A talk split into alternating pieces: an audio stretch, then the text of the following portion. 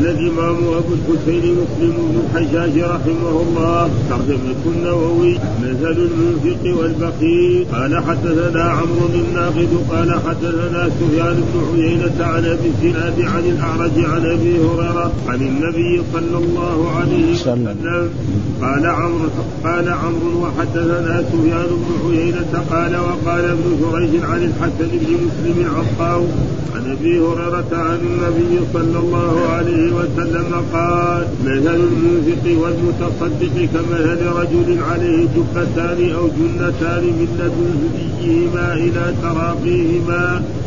فإذا أراد المنفق وقال الآخر فإذا أراد المتصدق فإذا أراد المتصدق أن يتصدق سبغت عليه أو مرت وإذا أراد البخيل وإذا أراد البخيل أن ينفق فلصت عليه وأخذت وأخذت كل حلقة موضعها حتى تجن بنانه حتى تجن بنان حتى تجن بنانه وتعفو أثره قال فقال أبو هريرة فقال يوسعها فلا تتسع قال وحدثني سليمان بن عبيد الله أبو أيوب الغيلاني قال حدثنا أبو عامر يعني العقدي قال حدثنا إبراهيم بن نافع عن الحسن بن مسلم عن طاووس عن أبي هريرة قال ضرب رسول الله صلى الله عليه وسلم مثل البخيل والمتصدق كمثل رجلين كمثل رجلين عليهما جنتان من حديد قد اقتضت أيديهما إلى هديهما إلى هديهما وتراقيهما فجعل المتصدق كلما تصدق بصدقة فجعل المتصدق كلما تصدق بصدقة انبسطت عنه حتى تغشي انامله وتعفو وتعفو أثره وجعل البخيل كلما هم بصدقة قلصت وأخذت كل حلقة مكانها.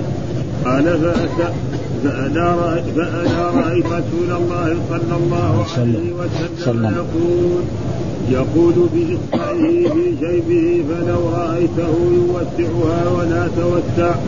قال وحدثنا أبو بكر بن أبي شيبة قال حدثنا أحمد بن إسحاق الحضرمي الحضرمي عن مهيب قال حدثنا عبد الله بن طاووس عن أبيه عن أبي هريرة قال قال رسول الله صلى الله عليه وسلم مثل الفقير والمتصدق مثل رجلين عليهما جنتان من حديد إذا هم المتصدق بصدقة اتسعت عليه حتى تعفي أثره وإذا هم الفقير بصدقة تقلصت عليه وانضمت يداه إلى تراقيه وقبضت كل حلقة إلى صاحبتها.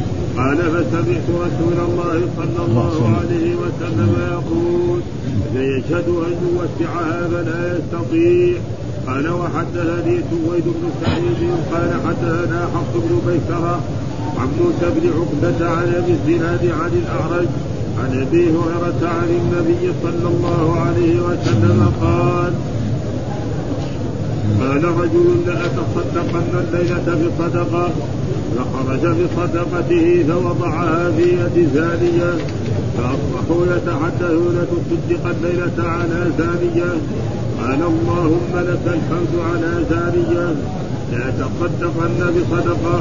فخرج بصدقته فوضعها في يد غني فأصبحوا يتحدثون تصدقت على غني قال اللهم لك الحمد على غني لا تصدقن بصدقة فخرج بصدقته فوضعها في يد سارق فأصبحوا يتحدثون تصدق على سارق فقال اللهم لك الحمد على زانية وعلى غني وعلى سارق فأوتي فقيل له أما صدقتك فقد قبلت أما الزانية فلعلها تستعف بها عن زناها ولعل الغني يعتبر فينفق مما أعطاه الله. ولعل السارق يستعف بها عن سرقته. قال وحدثنا أبو بكر بن أبي شيبة وأبو عامر الأشعري وابن نمير وأبو كريم كلهم عن أبي أسامة. قال أبو عامر حدثنا أبو أسامة. قال حدثنا بريد عن جده أبي بردة عن أبي موسى عن النبي صلى الله عليه وسلم قال إن الخازن المسلم الامين الذي ينزل وربما قال يعطي ما ما أمر به فيعطيه كاملا موفرا طيبة به نفسه فيدفعه إلى الذي أمر له به. أحد المتصدقين. قال حدثنا يحيى بن يحيى وزهير بن حرب وإسحاق بن إبراهيم جميعا عن جرير قال عن جرير قال يحيى أخبرنا جرير عن منصور عن شقيق عن مسروق عن عائشة قالت قال رسول الله صلى الله عليه وسلم إذا أنفقت المرأة من طعام بيتها غير مفسدة كان لها أجرها بما أنفقت ولزوجها أجره بما كسب وللخاسر مثل ذلك لا ينقص بعضهم أجر بعض شيئا. قال وحد قال وحدثناه أبي عمر قال حدثنا فضيل بن عياض عن منصور بهذا وقال من طعام زوجها. قال حدثنا أبو بكر بن أبي شيبة. قال حدثنا أبو معاوية عن الأعمش عن شقيق عن مسروق عن عائشة قالت قال رسول الله صلى الله عليه وسلم إذا أنفقت المرأة من بيت زوجها غير مفسدة كان لها أجرها. وله مثله بما اكتسب ولها بما أنفقت وللخاسر مثل ذلك بغير أن ينتقص من أجورهم شيئا. قال وحدثنا ابن نمير. قال حدثنا أبي وأبو معاوية عن الأعمش بهذا الإسناد نحوه. قال وحدثنا أبو بكر بن أبي شيبة وابن نمير وزهير بن حرب جميعا عن حفص بن غياث قال قال ابن نمير حدثنا حفص عن محمد بن زيد عن عمير مولى أبي قال كنت مملوكا فسألت رسول الله صلى الله عليه وسلم أتصدق من مال موالي بشيء؟ قال نعم والأجر بينكما نصفان قال وحدثنا قتيبة بن سعيد. قال حدثنا حاتم يعني بن إسماعيل عن يزيد يعني بن أبي عبيد. قال سمعت عمر مولى أبي اللحم قال أمرني مولاي أن أقدم لحما فجاءني مسكين. فاطعمته منه فعلم بذلك مولاي فضربني فاتيت رسول الله صلى الله عليه وسلم فذكرت ذلك له فدعا. فقال لم ضربت؟ فقال يعطي طعامي بغير أن امره فقال الأجر بينكما. قال وحدثنا محمد بن رافع. قال حدثنا عبد الرزاق. قال حدثنا معمر عن همام بن منبه.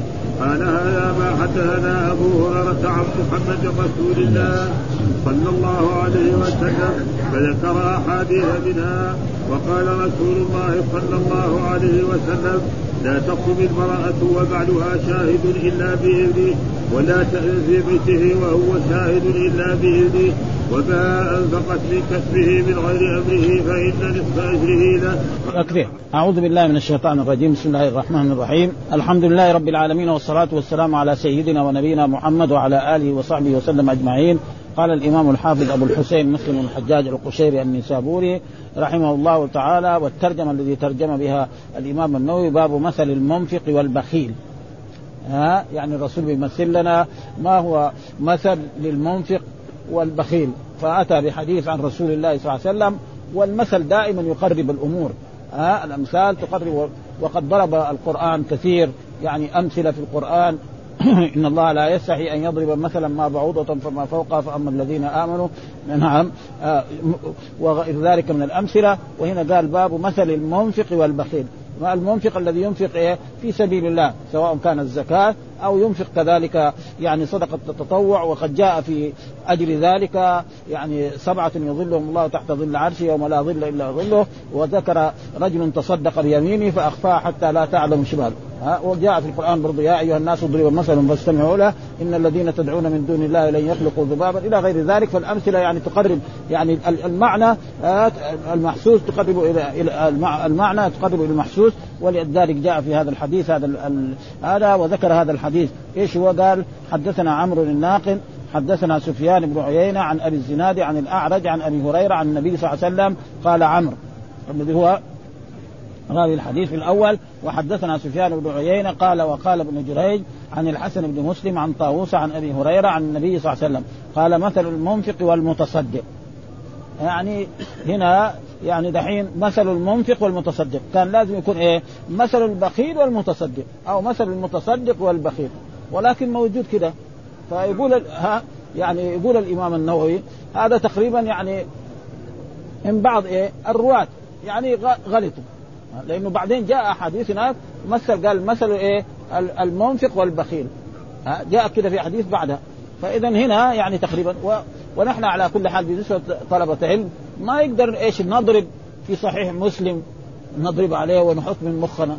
فنحن نعلق يعني بالجنب. ها يعني مثلا أنا وأمثالي يعني ما نقدر نقول مثلا نضرب هذا غلط. ها ونقول ها فالامام النووي اللي شرح ما ما ضرب على على على, على الصحيح. ها إنما بين إنه هذا مثل المنفق والمتصدق. المنفق مين هو؟ هو المتصدق.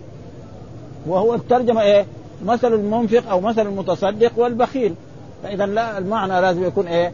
مثل إيه؟ المنفق والبخيل وهو جاء هنا مثل المنفق والمتصدق فهذا تقريبا إيش يقال؟ يعني كل إنسان قد يغلط نعم قد مثلا إما يكون من, من الرواة نفسهم أو من النساخ ها الذين يكتبون الناس كانوا يكتبون به والآن هو الكتب الموجودة الآن كثير كتب موجودة وفيها أغلاط كثيرة نعم لأن الناس الذين الآن يطبعون المطابع والكتب. ليسوا علماء كالزمن السابق. أو كان الزمن السابق مثلا المطبوعات التي تأتي مثلا من تركيا أو تأتي من مصر.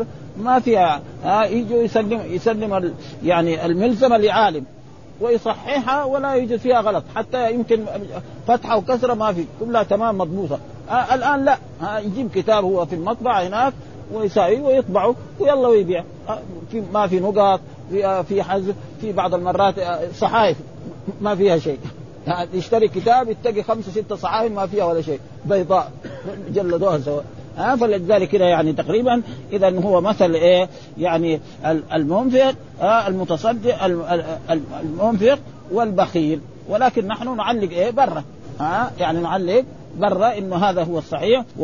كرجل كمثل رجل عليه جبتان، إيش الجبتان؟ يعني الدرع. ها الدرع الذي يلبسه الإنسان في الحرب. ها فهذا يعني هذا هو إيش؟ جبتان يعني أو جنتان والصحيح يقول إيه؟ يعني أو جنتان من لدن ثدييهما. هذا الثدي. إلى يعني كمان إلى فوق ثم إلى أسفل. ومعلوم أن الإنسان لما يلبس جب مثل ذلك وتكون واسعة آه يقدر يحرك يده يقدر يحرك رجله يحرك. وإذا كانت ضيقه خصوصا إذا كانت للحرب. لأنه الحرب يكون إيه؟ الدرع يكون إيه؟ يعني كده فيه حلق صغيرة صغيرة.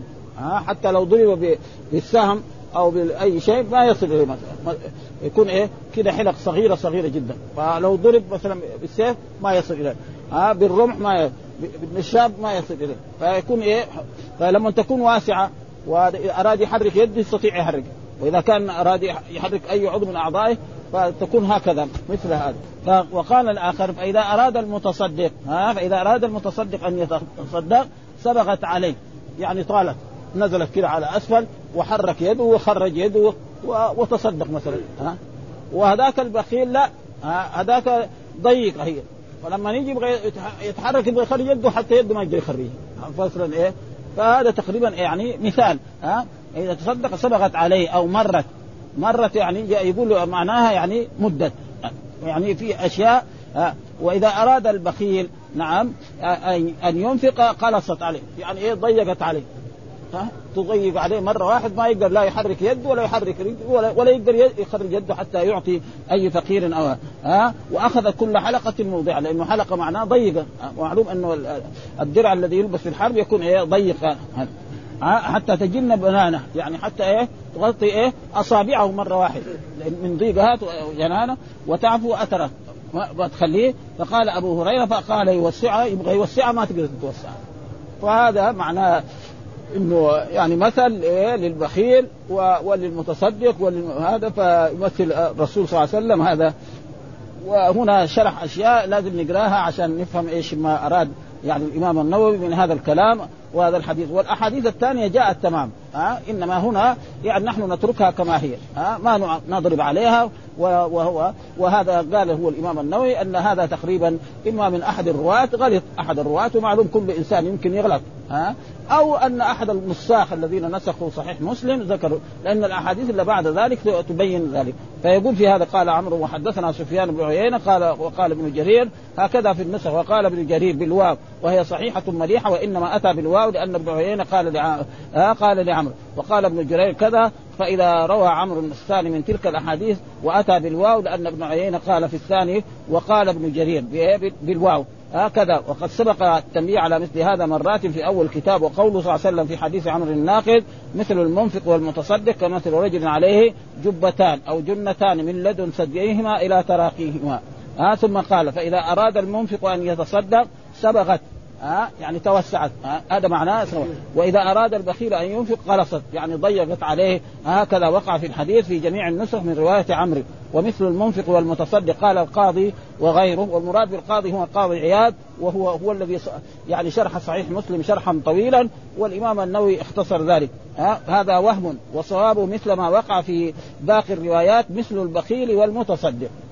يعني كده التعبير الصحيح مثل البخيل والمتصدق وتفسيره مع آخر الحديث. يبين هذا وقد يحتمل أن صحة رواية عمل هكذا أن تكون على وجهها وفيه محذوف تقديره مثل المنفق والمتصدق. مثل المنفق والمتصدق ويحذف إيش؟ الثاني. يعني مثل المنفق والمتصدق وقسيمهما وهو البخيل. وهذا بيجي مثلا في قول الله تعالى يعني الآية التي آه، سرابيل تقيكم الحر. سرابيل تقيكم الحر إيه؟ هو البرد. ها؟ ما جاء في, في القرآن ما في البرد. ها؟ وكذلك هنا لما قال مثل المتصدق يعني مين اللي يقابل المتصدق؟ ضده؟ البخيل. فما قال. يصير إيه؟ الأحاديث يعني جاءت تمام. ها؟ زي ما قال هنا سرابيل تقيكم الحر. يعني إيه وسرابيل تقيكم إيه البرد. ومعلوم أن السرابيل هذه التي يعني مرات سرابيل تكون إيه في أيام الحر وسرابيل يعني يكون أغطية لهذا. والآية تقريبا هي أولها آه، في قول الله تعالى في سورة النحل هي الآية. إيش قبلها؟ الآية؟ تقيكم بأسكم. هذا بأسكم يعني للحرب كذلك يتم نعمته عليكم لعلكم لكن قبلها ها؟ في, في الآية. عشان أشوف حط النص عشان يعني يبان انه إنه هو تكلم عن إيه؟ عن الأنعام يعني في جلود الأنعام بيوت هذا في أول السورة. ألم يروا إلى الطير مسخرات إيه؟ إيه؟ أيوه ما يزك ها؟ جعل لكم مما خلق ظلالا أيوه خلق ما خلق ظلالا وجعل لكم الجبال اكلا وجعل لكم سرابيل جعل لكم الجبال أكنانا معلوم الجبال واحد يسكن فيها يروح دحين مثلا آه، الحجر هناك محلات تقريبا كأنها غرف ها فواحد إذا كان بردان ودخل في في في هذه يتدفى ها سرابيل تقيكم الحر وسرابيل تقيكم فلذلك هنا فقال إيه؟ مثل المنفق قسيم المنفق مين؟ وقسيم المتصدق البخيل. فما ذكروا؟ ومثل ذلك سرابيل تقيكم الحر وسرابيل تقيكم باسهم ها فقال وهو البخيل وحذف البخيل لدلالة المنفق والمتصدق عليه كقوله تعالى سرابيل تقيكم الحر والبرد. أي والبرد. وحذف ذكر البرد لدلالة الكلام عليه. وأما قوله والمتصدق فوقع في بعض الأصول المتصدق ها المتصدق بالتاء وفي بعضها المصدق. ها بحذف وتشديد والمصدق. ها يعني الذي يتصدق وهما صحيحان. وأما قوله كمثل رجل فهكذا وقع في الأصول كلها كمثل رجل بالإفراد. كمثل رجل بالإفراد. والظاهر أنه تغيير عن بعض الرواة وصوابه كمثل رجلين. ها كمثل رجلين. في الحديث الثاني ها في الحديث الثاني كمثل رجلين عليه لأنه إيه ما يمكن رجل واحد يلبس يعني يشبه بالبخيل وبالمتصدق ها فكمثل رجل. فالرجل الكريم والمتصدق هذا لما يكون هذا اللباس الذي الدرع اللي لابسه إذا أراد يتصدق يتوسع ويقدر يخرج يده ويعطي الفقير ويعطي المسكين ويعطي أي إنسان. والبخيل لا ما عنده الدرع هذا يتقلص عليه ها. ويضيق عليه حتى لا يستطيع وحتى كأنه يده مغلولة كما جاء في إيه؟ فلذلك هذا وقع في الأصول كمثل رجل بالإفراد والظاهر أنه تغيير من بعض الرواة وصوابه كمثل رجلين وقوله جبتان أو جنتان فالأول بالباء والثاني بالنون ووقع في بعض الأصول عكس. وأما قوله من لدن ثدييهما هكذا هو في كثير من النسخ المعتمدة وأكثرها ثدييهما بضم إيه؟ الثاء وبياء واحدة مشددة على الجمع وفي بعضها ثدييهما بالتثنية. قال القاضي وقع في هذا الحديث أوهام كثيرة ها من الرواة وتصحيف وتحريف وتقديم وتأخير ويعرف صوابه من الأحاديث التي عليه جنتان ومنه قول جنتان أو جبتان بالشك وصوابه جنتان بالنون ها يعني وهذا كل إنسان قد يحصل منه غلط. فقد حصل من هذا من العلماء ورواه الإمام مسلم هكذا ويمكن ما علق عليه هو وعلى كل حال جاء جاءوا اللي بعده وعلقوا فاذا هو بهذا الطريق وهذا الحديث أوهام كثيرة من الرواة وتصحيف وتحريف وتقديم ويعرف صوابه في الأحاديث التي بعده. فمنه مثل المنفق والمتصدق وصواب المتصدق والبخيل. ها؟ يعني العبارة المتصدق والبخيل وهو موجود هناك. فنحن يعني لا نستطيع أن نضرب على كلمة أو جملة في صحيح مسلم بصفة إنسان طالب علم أو غير ذلك. لا يستطيع إنما له الطالب أن يعلق بالجنب ها؟ ويذكر ما قاله الإمام آه النووي أو غيره. وكذلك لو راجعنا لأن هذه الأحاديث موجودة في البخاري مرت علينا متذكر تمام؟ ولو راجعنا كذلك فتح الباري يمكن لوجدنا يعني شرح لهذا أكثر من إيه من هذا الموضوع. ها؟ ومثل وصوابه المتصاد ومثله كمثل رجل وصوابه رجلين. ها عليه جنتان جنتان أو جبتان بشك وصوابه جنتان بالنون بلا شك في الحديث. آه. والجنة إيش هو؟ قال الدرع، إيش الدرع؟ هو الذي يلبس في الحرب، ها؟ ويكون إيه؟ في حلق ضيقة هكذا. هذا ويسمى الدرع كذلك الثوب الذي تلبسه. يعني اللغة العربية لغة واسعة.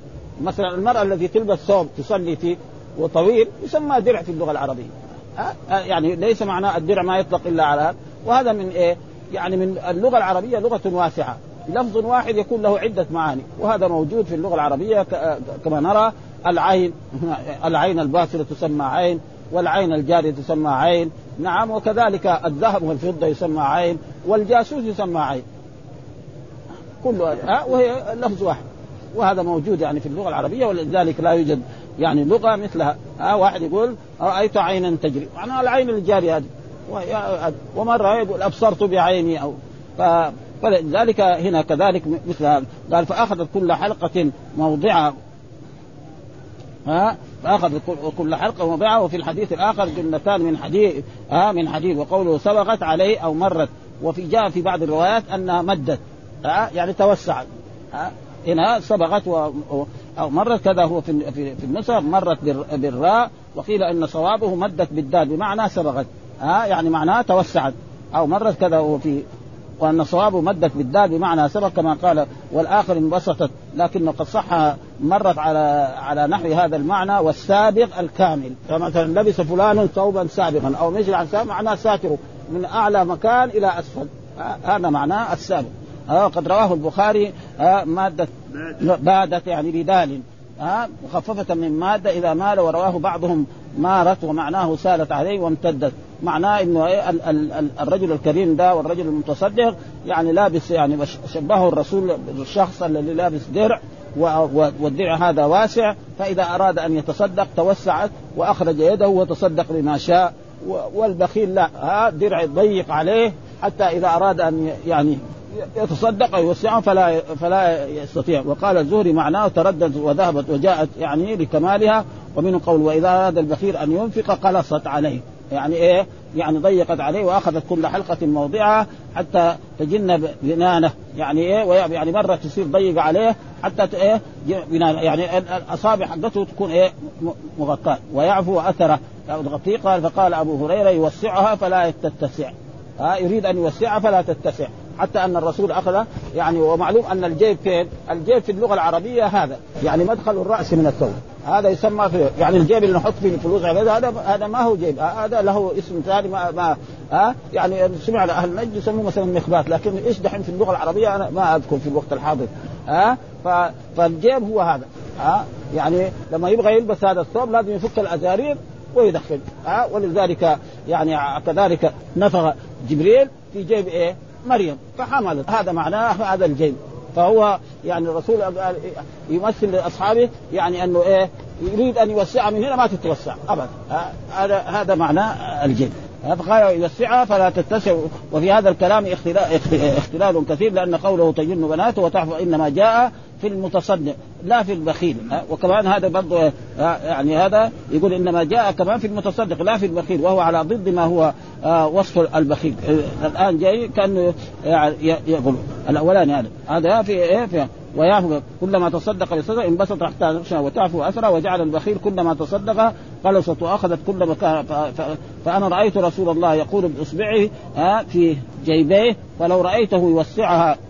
فلا ولا تتسع يريد أن يوسعها حتى هذا فلا يستطيع. ولذلك اختل الكلام وتناقض. وقد ذكر في في الأحاديث على وقد ذكر في في الأحاديث على الصواب ومنه رواية بعضهم تحز ثيابه بالحاء والزاي وهو وهم والصواب. رواية الجمهور تجن بالجيم والنون أي تستر. تجن معناه تستر. وفي رواية بعضهم ثيابه بالثاء وهذا عجيب حقيقة. يعني هذه كتب قديمة آه فكان هذه يعني من أول يعني كان يعني ولكن يعني زي ما قال أن الإنسان يعتذر للعلماء المتقدمين فيغلط إنسان ويجي الآخر ويمشي على ذلك والعلماء الذي يأتوا بعد ذلك يبينوا هذا إنه إنه هذا وإلا البخاري هذا. آه وفي الحديث الآخر أنامله ومعنى تقلصت انقبض ومعنى يعفو أثره ويمحو أثره آه، آه، أثر مشيه آه، بسلوغها وكمالها وهي تمثل النماء المال بالصدقة والإنفاق، يعني إيش المراد؟ أن الإنسان معلوم إذا تصدق المال لا ينقص من الصدقة، يعني هذا شيء وعد الله به.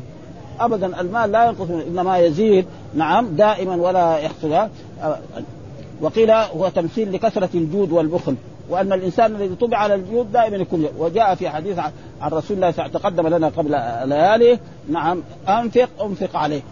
ها؟ يعني أنفق أنفق عليه بدون إسراف. فالإنسان إذا أنفق على نفسه وعلى أولاده وعلى أهله نفق بدون إسراف وبدون اهاده فإن الله يعوضه ما أنفقه. وقد جاء في أحاديث مرت علينا أن لما جاء رجل وقال عندي دينار قال أنفقه على نفسي. قال عندي آخر قال أنفقه مثلا على ولدك أو زوجك. قال عندي آخر كذلك ثم بعد ذلك قال على رفيق ثم بعد ذلك انت به ابصر فلازم ينفق الإنسان على نفسه وعلى أولاده. وإذا أمسك صار ذلك عاد وقيل المراد هنا الإنفاق آه، بضد ذلك. وقيل هو تمثيل لكثرة الجود والبخل وأن المعطي إذا اعطى انبسطت يداه بالعطاء وتعود ذلك. وإذا أمسك صار ذلك عادة له وقيل معنى يمحو أثره أي يذهب بخطاياه لأن الصدقة تضاعف ها؟ ودائما الحسنات يعني يذهبن إيه؟ السيئات. فالإنسان تصدق بشيء من المال فهذا الصدقة قد تذهب سيئاته وتضاعف له الحسنات. وقد جاء في في القرآن مثل الذين ينفقون اموالا في سبيل الله كمثل حبة أنبتت سبع سنابل في كل سنبلة 100 حبة والله يضاعف لمن يشاء.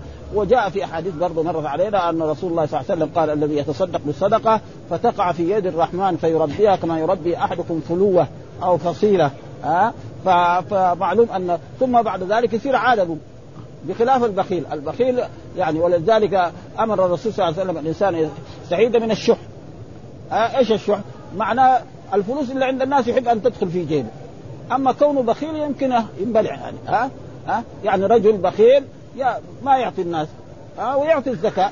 يعني على كل حال ما هو ما هو من خصال الناس الطيبين. لكن هذا لكن لا الشحيح هو إيه يبغى ما عند الناس يدخل في جيبه. هذا تقريبا هذا المذموم. وأما كونه مثلا هو ما يعطي يعطي الواجب. وبعد ذلك ما يتصدق ولا بشيء. ما ما ولذلك جاء في الأحاديث الصحيحة أن المال إذا أخرجت زكاته لا يسمى كنزا مهما كان. ولكن من خصال المؤمن أن الإنسان ينفق وأن من خصال البر أن ينفق الأموال. مثل ما جاء في القرآن ليس البر أن تولوا وجوهكم قبل المشرق والمغرب ولكن البر من آمن بالله واليوم الآخر والملائكة والكتاب والنبيين وآتى المال على حبه. ها؟ يعني إيه؟ مع حبه لأنه كل واحد يحب المال. ما في واحد يقول ما يبغى المال ها؟ ها؟ ذوي القربى واليتامى والمساكين وابن السبيل والسائلين وفي الرقاب وأقام الصلاة وآتى الزكاة ها؟ فهذا يعني تقريبا هذا. وقال كذلك ويمحو وقيل في البخيل قلصت ولد كل حلقة مكانها أن يحمى عليه يوم فيكوى بها. والصواب الأول والحديث جاء على التمثيل لا على الخبر. ها؟ يعني يمثل أنه صفة إيه؟ للبخيل وصفة إيه؟ للمتصدق والمنفق. وقيل ضرب المثل لأن المنفق يستره الله تعالى بنفقته ويستر عوراته في الدنيا والآخرة. ها كستر هذه الجنة كستر هذه الجنة لابسها والبخيل كمن ليس لبس جبة إلى ثدييه فيبقى مكشوفا. يعني الجبة هذه ما تصل أسفل. يعني تكون إيه؟ لما توصل هنا تصير ضيقة. يبغى ينزلها على أسفل ما تنزل. فيصير إيه؟ باين عورته كمان. ها فهذا تقريبا إيه؟ معناه إيه؟ تحذير من أن يكون بخيلا بهذا الوضع يعني. هذا معناه يعني بس تصل وهذا نحن نرى الآن. يعني رجل يجيب مثلا ثياب ضيقه يبغى يلبسها لما توصل هنا يكون هو في, هذا ما ممكن ينزل ابدا. مهما يتشقق الثوب الذي هو القطر يعني خلي الحديد هذا. فلذلك يعني فيبقى مكشوفا بادي العورة مفتضحا في الدنيا والآخرة. وهذا كلام القاضي عياض رحمه الله تعالى وعلى كل حال الحديث يعني في هذه الأشياء. وما مر علينا مثل هذه الأشياء يعني تقريبا في قراءتنا لصحيح مسلم. ولعلنا لو كان راجعنا هذه الأحاديث ما قاله الحافظ. ها إنه وعنه الحافظ يعني بعد بعد بعد الإمام بعد النووي. وينقل عنه مرة مرة. وهنا الأحاديث الثانية جاءت إيش؟ تمام. يعني الموسم الأول الذي في الأحاديث الأول قال فإذا يعني آه، مثل المنفق والمتصدق. وقلنا هذا مثل المنفق مثل مثل المنفق والبخيل. كذا العبارة ولكن وجدت هكذا فنحن نتركها كما هي ونعلق في نسخنا يعني في الخارج على أنه لأنه لا يجوز لمسلم أو لطالب علم مهما كان أن إيه يعني يحذف جملة من جملة في صحيح البخاري أو في صحيح لأن هذه الكتب تلقاها أهل العلم بالقبول. وقد مر علينا مرة من المرات في يعني في يعني في دراستنا زمان إن رجلا يعني في صحيح في في مسند الإمام أحمد باب الوضوء بالنبيذ. الوضوء بالنبيذ. وهذا موجود حديث أن الرسول صلى الله عليه وسلم قال للصحابي الذي كان معه أو هذا قال له يعني ماء طهور. فشخص من طلبه يعني ما هو طالب قال لا هذا لازم نضرب عليه.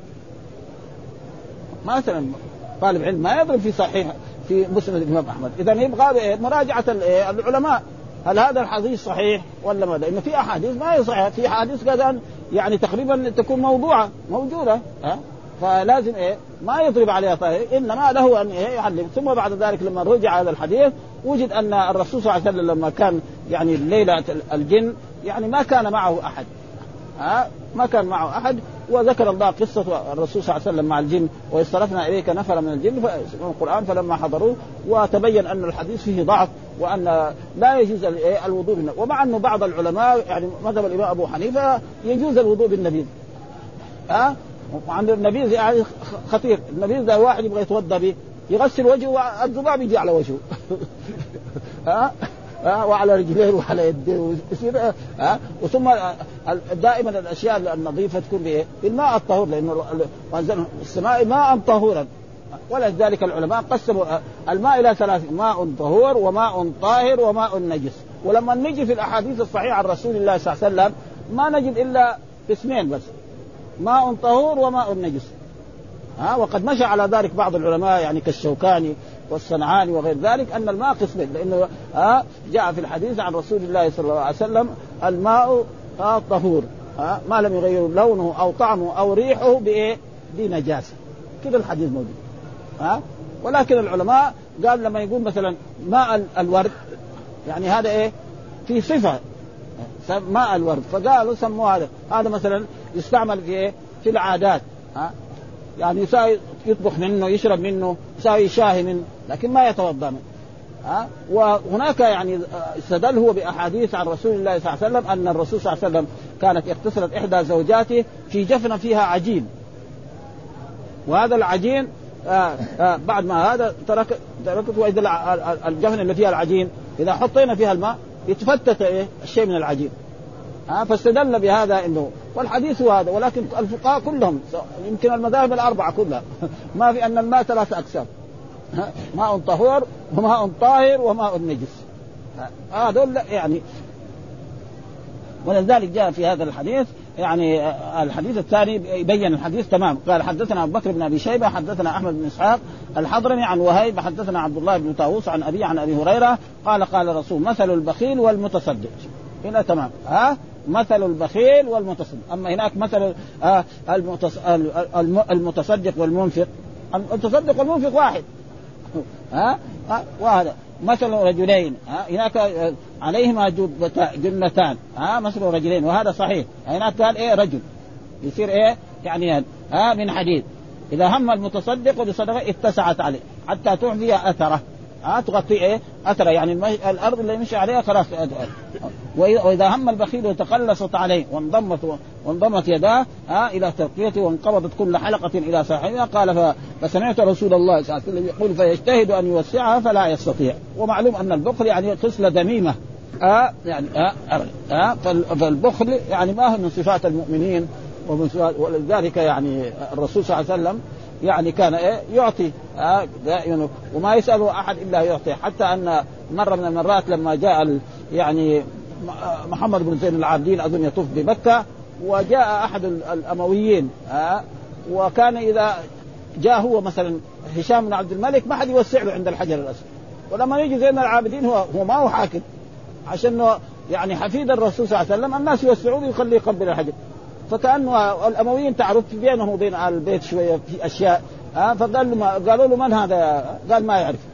الفرزدق عنده تشيع يقول هذا يعني ما قال لا إلا في تشهده لولا التشهد كانت لاؤه نعم. يعني عمر زين العابدين هذا ما قال لا ها إلا إذا قال أشهد أن لا إله إلا الله. معناه مدحه يعني غايب للمدح حتى إيه صار فيها شيء من الغلو يعني.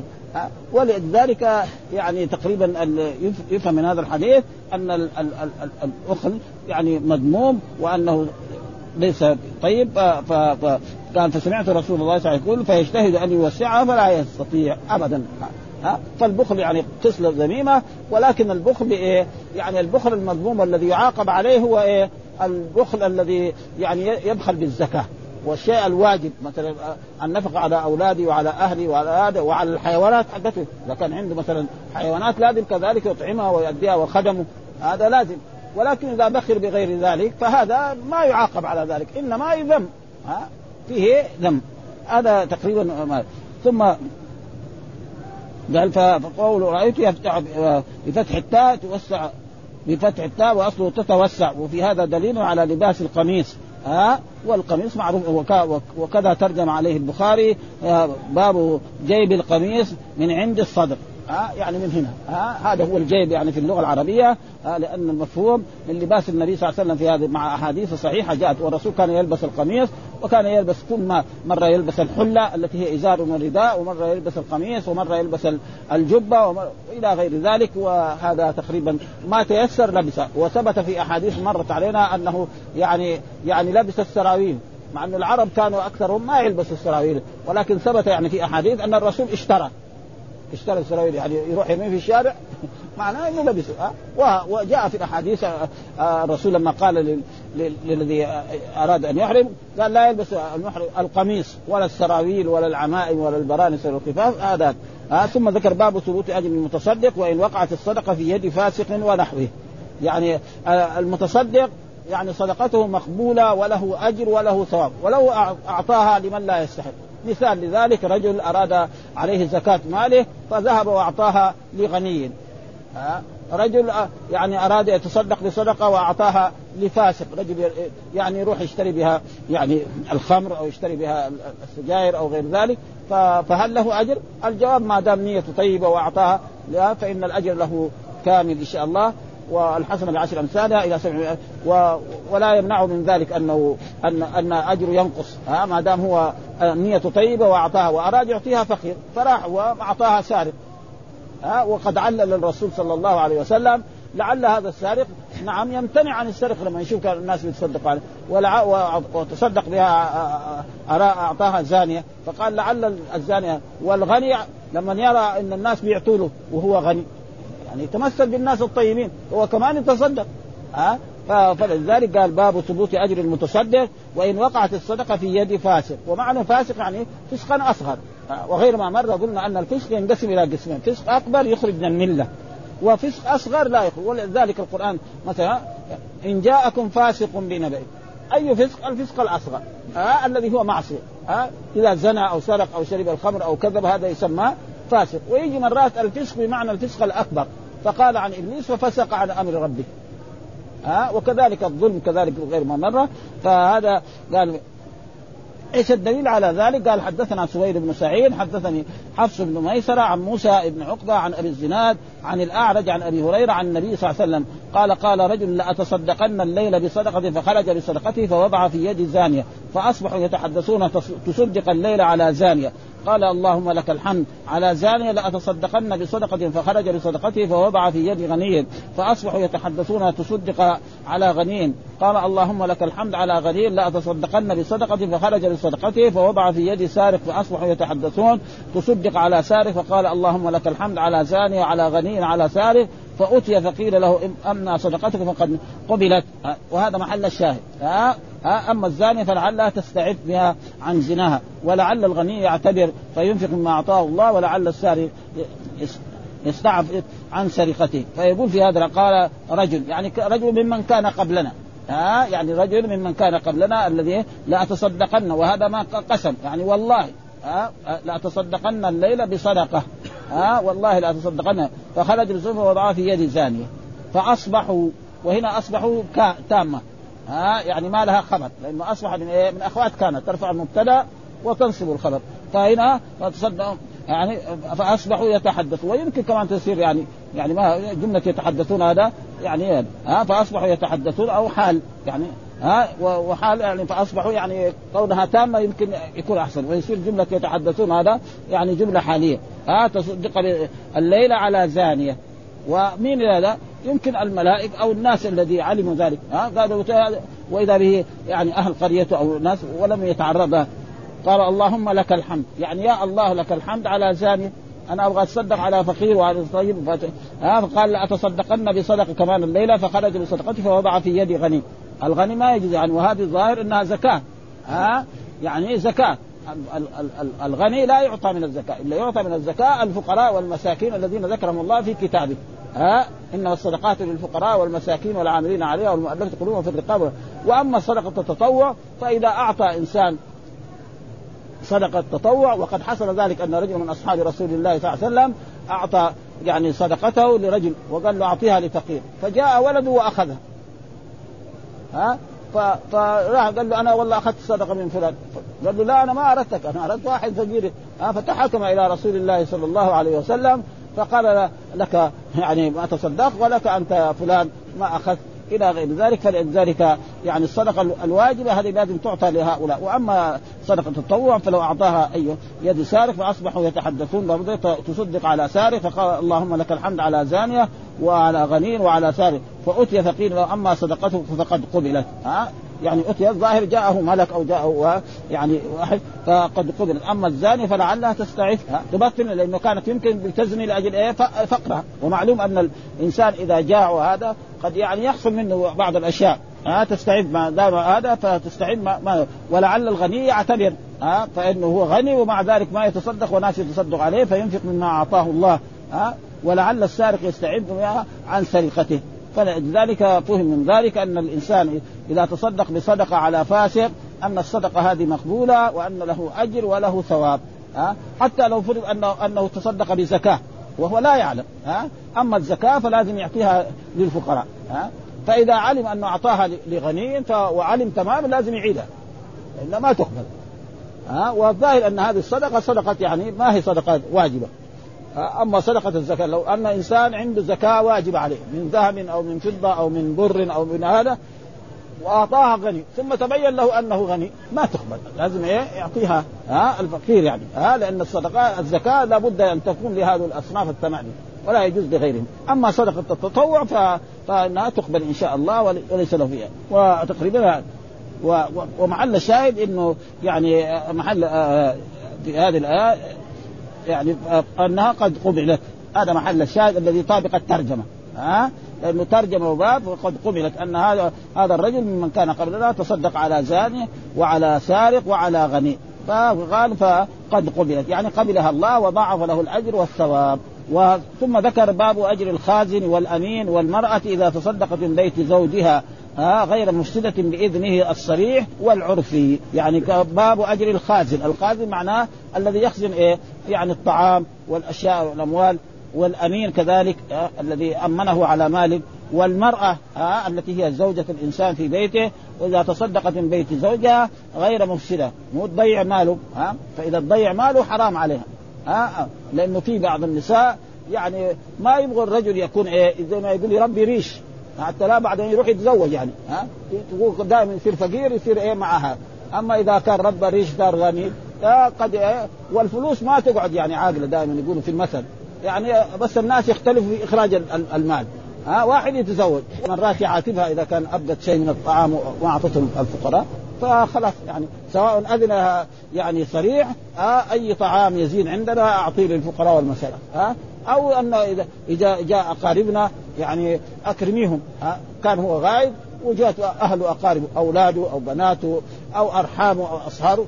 تقدم له أحسن الطعام ففي ذلك يكون لها أجر لها هي وله أجر. وهذا معناه ما يريد بهذا الحديث أن هذا قال حدثنا أبو بكر بن أبي شيبة وأبو عامر الأشعري وابن نمير وأبو كريم كلهم عن أبي أسامة. قال أبو عامر حدثنا أبو أسامة حدثنا بريد عن جدي أبي برده عن أبي موسى. وأبو موسى هو أبو موسى الأشعري الصحابي الجليل. عن النبي قال إن الخازن المسلم الأمين الخازن المسلم الأمين الذي ينفذ ها وربما قال يعطي يعني إيه؟ ينفذ قال يعطي ما أمر به فيعطيه كاملا موفورا. مثلا أعطاه قال له هذا المال أعطيه للفقراء والمساكين. ما ينقص منه شيء. فإذا نقص منه شيء ها اعطى له عشرة أعطى الفقراء خمسة وخمسه أخذها لنفسه. فهذا ما ما هو خازن أمين ولا هو إيه؟ أمين. فيعطيه كاملا طيبة به نفسه فيدفع إلى الذي أمر له به أحد المتصدقين. يعني إيه؟ الذي اعطى المال متصدق والذي أوصل المال إلى الفقراء والمساكين كذلك متصدق. ها؟ أحد المتصدقين.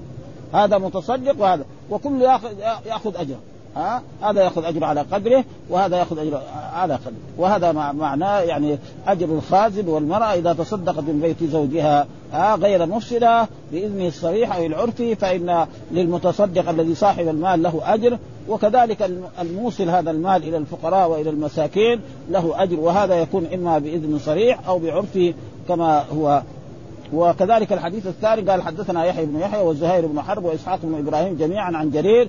قال يحيى أخبرنا جرير عن منصور عن شقيق عن مسروق عن عائشة قالت قال رسول إذا أنفقت المرأة من طعام بيتها هذا.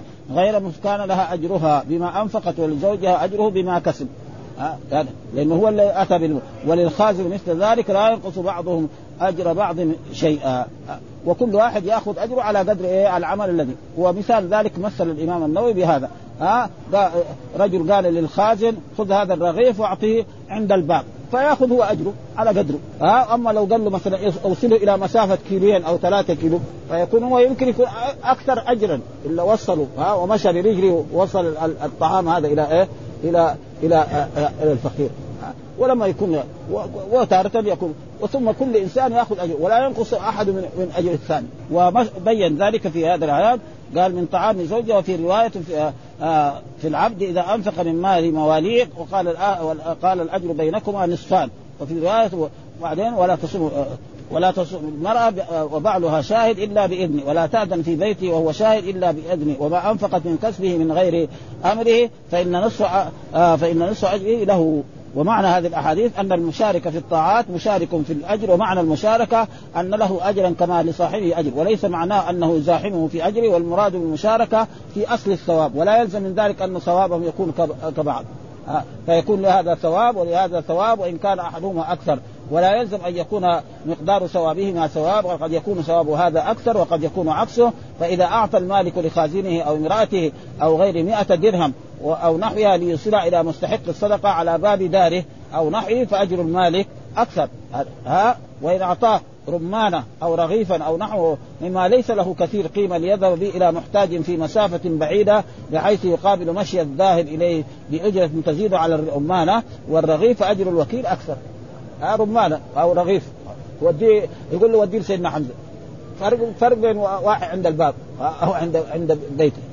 فهذا يأخذ اجره آه آه آه وقد يكون عمله عمل قدر رغيب مثلا فيكون مقدار الأجر سواء واما قول صلى الله عليه وسلم الأجر بينكما نصفان فمعناه قسمان ليس معناه نصفان هذا هذا له عشر حسنات وهذا له عشرة لا هذا له أجر وهذا له أجر. هذا المراد بإيه؟ نصفان. ومعناه قسمان وإن كان أحدهما أكثر كما إيه؟ إذا مت كان الناس نصفان بيننا وأشار القاضي إلى أنه يحتمل أيضا أن يكون سواء لأن الأجر فضل من الله. من الله تعالى يؤتيه من يشاء ولا يدرك بقياس ولا هو بحسب الأعمال بل ذلك فضل لأنه في مرات قد يضاعف ويكون هذا مال يعني هو تصدق تمام. فالأجر ما نقدر نعين إنه هذا له عشر حسنات وهذا له خمسة وهذا له خمسين. هذا هذا ليس ذلك فضل الله يؤتيه من يشاء والله ذو الفضل العظيم.